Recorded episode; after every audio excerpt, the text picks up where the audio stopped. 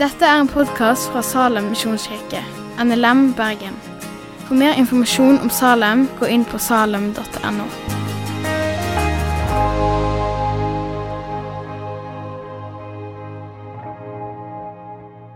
Jeg er født og vokst opp i Japan. Og nå Denne høsten har jeg faktisk vært i Japan, så jeg har bare så vidt rukket å komme tilbake hit. Jeg er ikke ordentlig misjonær, men jeg er misjon nokså nær. Eh, og syns det er utrolig stas. Så jeg har fått jobbe mest med Det nye testamentet, men litt med det gamle, og skrevet en litt større bok om hva Bibelen sier om misjon. Og det ligger meg på hjertet, for det er ikke så lite. I dag skal vi til Markusevangeliet, sånn som så mange helger her i Salem. Og Når vi kommer til kapittel 9, da har vi liksom akkurat bikka halvveis. Og De som har greie på det, de deler Markusevangeliet i to og sier kapittel 9 er begynnelsen på del 2. En kan merke forskjellen på noen forskjellige måter. Helt på slutten av kapittel 8 så er liksom proklamasjonen kommet. Hemmeligheten om hvem er Jesus egentlig? Det skjønte ikke folk. En sånn fyr hadde de aldri vært ute for. De ble satt ut av han og rista på hodet og sa 'Hvem er egentlig denne?' Og så På slutten av kapittel 8 så sier Peter, 'Du er Messias'. Der skjer det noen ting. Hele Markus 1, 2, 3, 4, 5, 6, 7, 8 er på en måte trommevirvel som drar seg opp, og så lyder det fra Peter, 'Du er Messias'. Og De neste kapitlene som vi begynner på nå, de tar med seg den sannheten. Jesus er Guds Messias, men hva i all verden betyr det? Og I Markusevangeliet så blir det noen oppturer, som vi har i vår tekst, og noen nedturer, og nye oppturer og nye nedturer for Jesus, for disiplene og for oss som leser. Det skjer noe hele veien. Markus er jo han av evangelistene som har masse korte, kjappe episoder. 41 ganger så skriver Markus 'straks skjedde'. Det er liksom overgangen hans. Plutselig skjedde det noe enda mer og enda nytt. Og Det høres ut som det bare er sånne lysbilder som kommer hulter til bulter. Det er det ikke. Det er en linje og en tråd i det.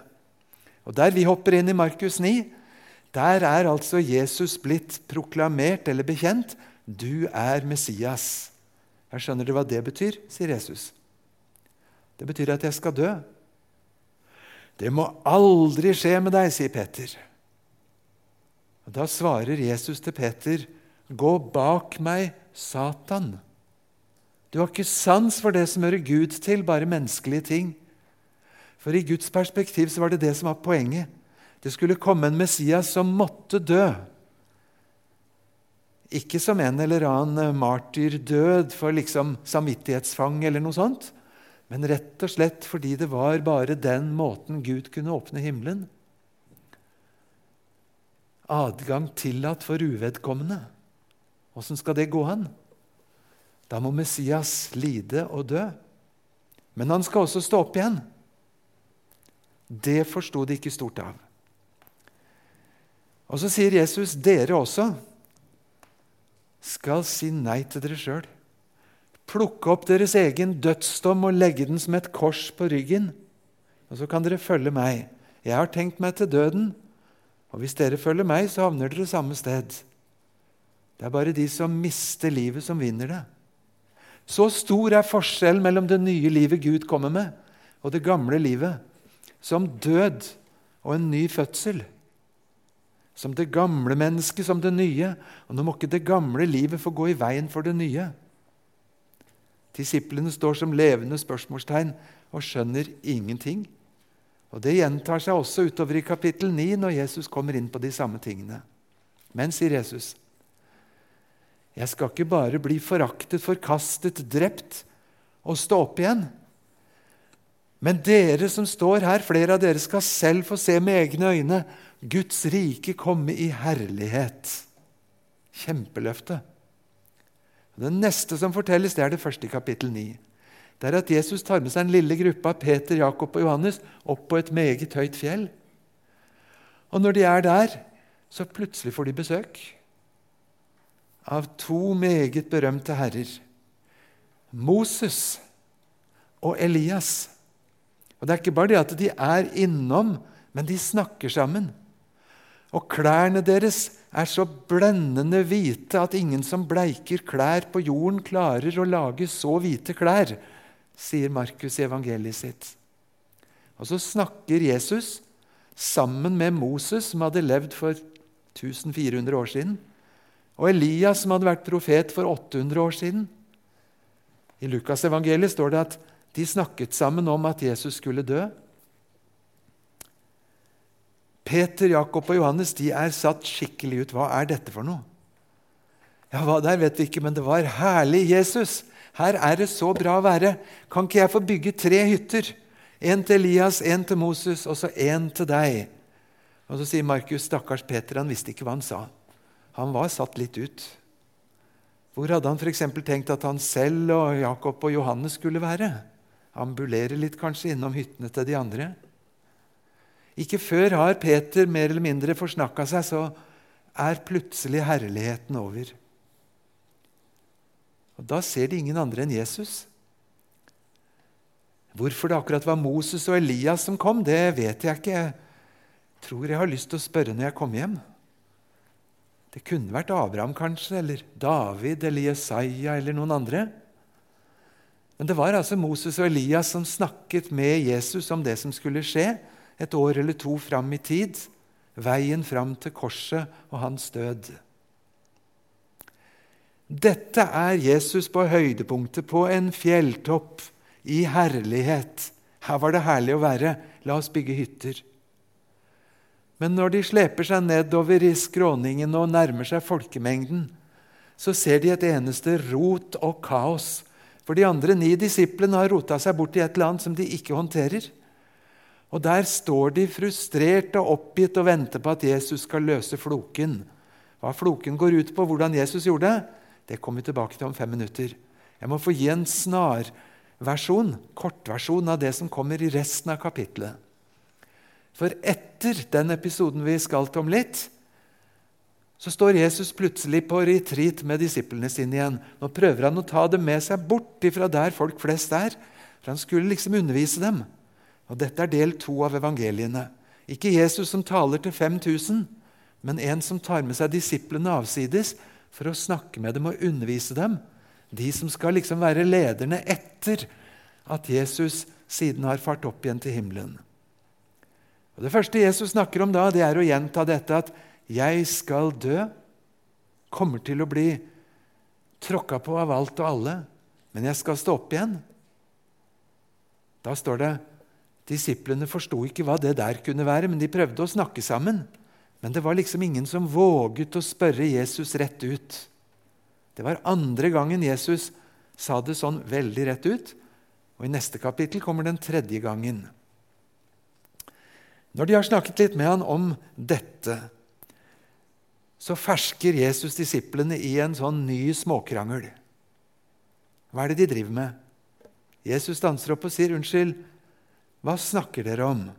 Da skammet de seg. For de småkrangla om hvem av dem som skulle være størst. Det fortsatte de med så mange ganger at til og med midt under den første nattverdinnstiftelsen, når Jesus visste det var minutter igjen til han skulle arresteres og slepes med til korset, selv da drev de og krangla om hvem som skulle være størst, og hvem som skulle få fremskutte plasser i det riket som en gang skulle komme. Legg merke til hvor snilt Jesus tar tak i det. På en måte hadde de fortjent en skikkelig sånn korrigering. Denne gangen også så tar Jesus det så mildt opp med dem og sier sånn skal dere ikke tenke. Hvem er størst i Guds rike? Jo, sier Jesus, det tror jeg måtte være den som tar imot en liten baby for min skyld. Den som er den minste, tjener for de minste. Den som omgir seg med null og ingenting i menneskers rangering. Den er den største. Jesus som lærer dem et annet lederideal. Vi er vant med pyramider oppover mot toppen og sjefen der. Jesus snur det liksom opp ned. Tenk på det noen ganger på Fjellhaug, hvor vi har både bachelor og master i teologi og misjon. Kanskje skulle vi prøve å lage en master i fotvasking? Åssen ville det bli? 300 studiepoeng i fotvasking. Du skjønner kanskje hvor jeg vil hen med Jesus, som stadig sier at det er å være en leder og en tjener i Guds forsamling. Vaske føttene til hverandre hjelpe hverandre med det som virkelig trengs. Teksten fortsetter. Jesus snakker om disse små. Og Så sier han det motsatte av å skulle gjøre denne små, de små en tjeneste. Det er noe så forferdelig som å føre dem til fall. Føre de bort fra Jesus. Forføre tankene, troen, så de ikke lenger hører på ham.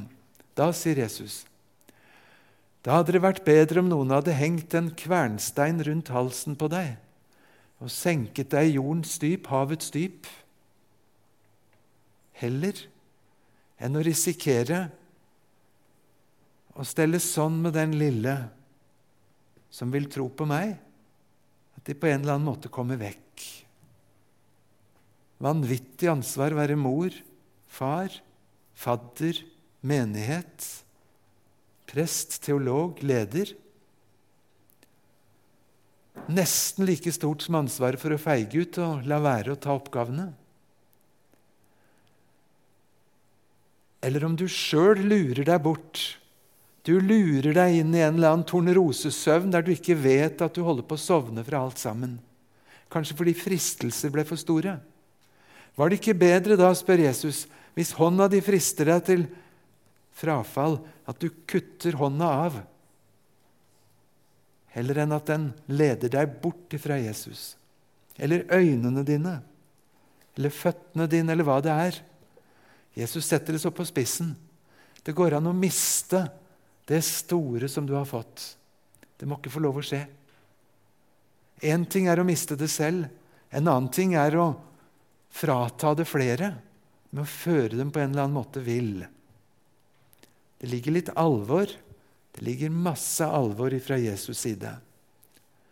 Og Så fersker Jesus disiplene i en annen misforståelse. Du, Jesus, det var noen her som eh, prøvde å bruke ditt navn for å gjøre store gjerninger, men vi kjenner dem ikke, de hører ikke med i gjengen vår. Så vi forbød dem å gjøre det. Nei, sier Jesus, det skal dere ikke gjøre. For Hvis det er noen som vil tre fram i mitt navn, så er det vel ikke akkurat de som i første omgang kommer til å tale ondt om oss. Er de ikke mot oss, så er de vel med oss. En annen gang sa han det motsatte òg. De som ikke er med oss, er imot oss. For Jesus stiller på et valg. Du blir ikke likegyldig i møte med Jesus. Enten så er det som han sier, eller så er han en falskner. Og så står vi på et valg i møte med Jesus. Men hva er det for en kamp dere har om posisjoner, å være stor og være størst? Og hele tiden skulle fanges i et eller annet sånn posisjonsvelde. Kjenner vi det igjen? Hos oss er det kanskje ikke skikk og bruk at du liksom skal være sånn breikjefta, stor leder, kanskje. Kanskje er det mer status i å være veldig ydmyk. Hørte om en menighet. Det var selvfølgelig en helt annen verden enn den vi kjenner, men i alle fall. Til en søndagsgudstjeneste så kunne alle se at kirka var fornya. For noen hadde gitt en vanvittig fin lyskuppel sånn med masse prismer. Og det glinset og lyste fra 60 lamper. Og det ga et fantastisk gjenskinn. Og Når gudstjenesten begynner, så sier presten at vi skal få lov til å gjøre oppmerksom på en fornyelse i kirken i dag. Ser dere denne flotte prismekronen? Ja, alle hadde jo sett den med en gang de kom inn. Det er en gave vi har fått fra et ektepar. Og så sa presten, og det fineste av alt, tenk på det Giverne ville være anonyme. Da reiste det seg en gubbe litt bak i salen, og så sa han ja, vi syntes det var best slik.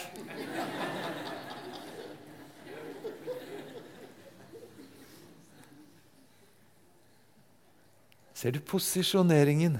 Det blir så teit og så mageplask Men alle de der forsøkene på liksom å skulle være litt større, litt kristeligere, litt frommere, litt ydmykere, litt mer fotvasking eller hva det er Vi vrenger og vrir på det for liksom å stå litt høyere sjøl.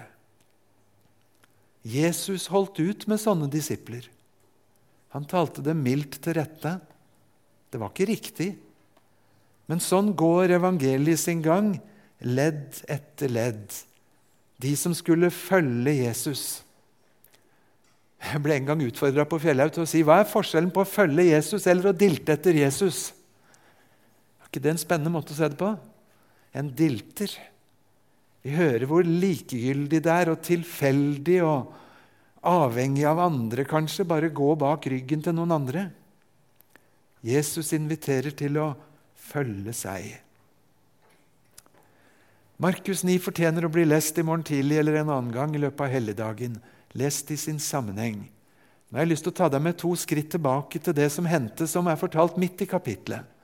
Da Jesus hadde vært på fjellet med, med både Moses og Elias, og han kommer ned i alt ståket igjen. Og de roper på Se, der kommer Jesus! Jesus, kan du ordne opp i dette? Og Da får vi liksom et umiddelbart utrop fra Jesus som tyder på at han syntes det var strevsomt. Å, du gjenstridige slekt, hvor lenge skal jeg holde ut med dere? Hva er det som står på? Og så stiger det fram fra folkevrimelen en far som sier det er jeg som har kommet med sønnen min. Av og til så blir han plaget av en stum ånd som gjør at han blir helt taus. Og Noen ganger så er det verre enn som så, for da er det som om den stumme ånden tar kontroll over han og drar han med seg og prøver å kaste sønnen min uti vannet for å gjøre slutt på han. Eller til og med inn i ilden. Og gutten har det kjempevondt. Så da snakka jeg med disiplene dine og spurte om de kunne hjelpe, men så klarte de det ikke en ganske fortvilt situasjon. Jesus og tre av disiplene på fjellet, de ni andre er der.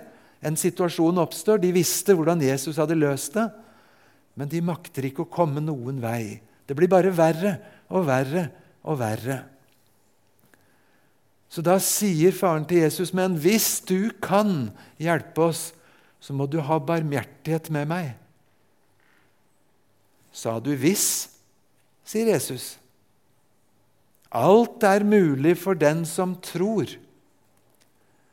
Da henter Jesus fram spotlighten og så setter han søkelyset på dette vanskelige ordet 'tro'.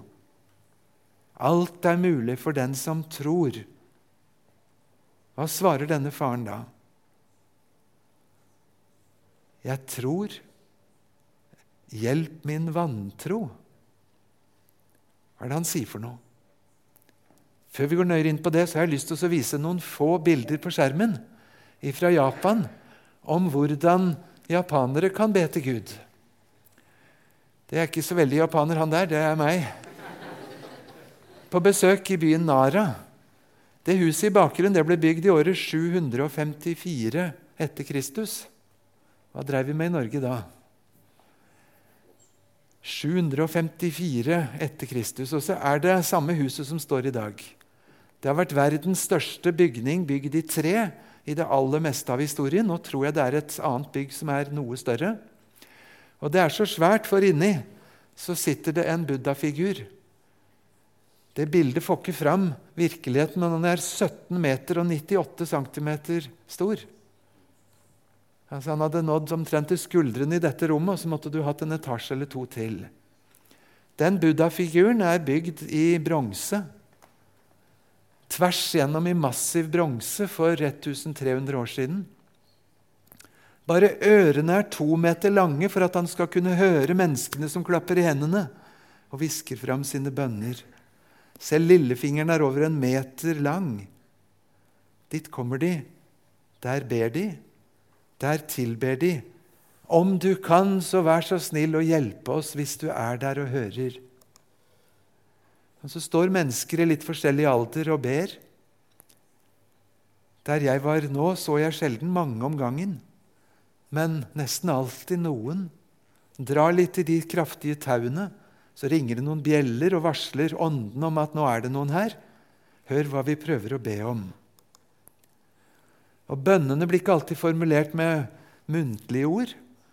Men i kiosken på vei inn i tempelet kan du kjøpe ferdigskrevne bønnelapper med bønner, enten det er for kjærlighet, eller det er for suksess i jobb, eller å komme inn på et universitet, eller det er for helsa di, eller for noen andre. Og Så kjøper du en bønneseddel som matcher omtrent det du tenker på. Tar med deg den, henger den i et sånt stativ, og så henger den oppe en uke, så åndene kan se, kanskje hjelpe, før de blir samlet inn og brent på ilden.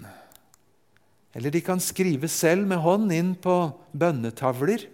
Gjerne få med telefonnummeret, så åndene finner veien, og i hvert fall datoen, og adressen. Det kan høres komisk ut for oss, men det er en oppriktig nød som driver dem til å søke en eller annen hjelp i ett eller gjerne flere templer. Gjerne med litt tryglende ord, kan det være.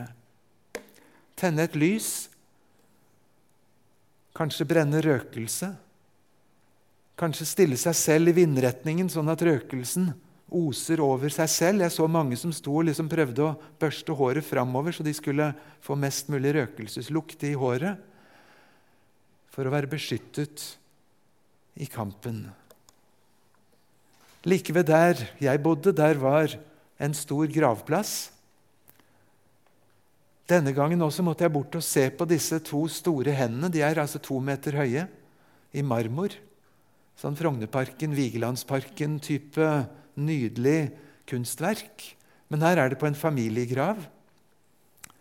Første gang jeg så det, tenkte jeg kanskje det er en kristent gravsted. Kanskje de folder hendene i bønn til Gud. Hjelp oss. Kanskje en naturlig bønn på et gravsted, familiegravsted. Når jeg ser nøyere på familiegravstedet, så er det fullt av buddha-figurer inne i den samme lille avlukket på to ganger to meter. Og de tenner lys og røkelse til Buddha. Og disse to hendene er ikke foldede hender imot himmelens Gud. Det er tomme hender ut i det store mørket. Er det noen der? Er det noen som hører at vi ønsker hjelp? To tomme hender rettet ut i det store intet. Hvem kan hjelpe? Jeg fant også en gravstøtte som jeg aldri har sett maken til, på den samme gravlunden. På to av sidene var det kors, og på de to andre var det buddhistiske symboler. Da tenkte jeg der er det kanskje en splittet familie, sånn som de fleste familier i Japan er. kristne familier. At det bare er noen som er kristne, de andre er ikke. Og så er det liksom noen navn på den kristne siden og noen på den buddhistiske siden. Jeg måtte spørre japanere og også noen av misjonærene. Nei, det er ikke sånn, sa de. Det er nok heller at de, de helgarderer. Vi vet ikke hvem som møter våre døde som vi har gravlagt her. Om det er Buddha, om det er Kristus eller andre, samme hvem det er, ta pent imot våre som vi bærer hit. Herre, om du kan, så hjelp oss. Hører vi for en smerte som ligger i det, og for en kamp, og for en utfordring om at vi må prøve å minne litt om det. Takk, det var bildene.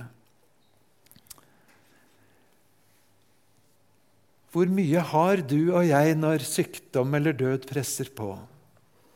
Du og jeg tenker vi har vår tro, vi har vår kristne tro. Kanskje den duger, kanskje den makter. Men her har jeg måttet gå mange runder med meg sjøl i møte med denne faren. For han setter ord på noe som jeg kanskje tror flere av oss kjenner.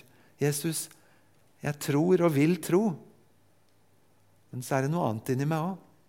Og det er vantro. I hvert fall tvil. Lunkent, spaltet, delt. Jeg ville så gjerne ha den kjempesterke troen som Jesus en gang snakket om, som er sånn at med troens bønn kan du si til dette fjellet, løft deg opp, kast deg i havet, og ingenting skal være umulig. Og så kjenner han på at nei, min tro er ikke på det nivået. Her er det tro tvil og kamp om hverandre og en smerte. Hva gjør vi med det?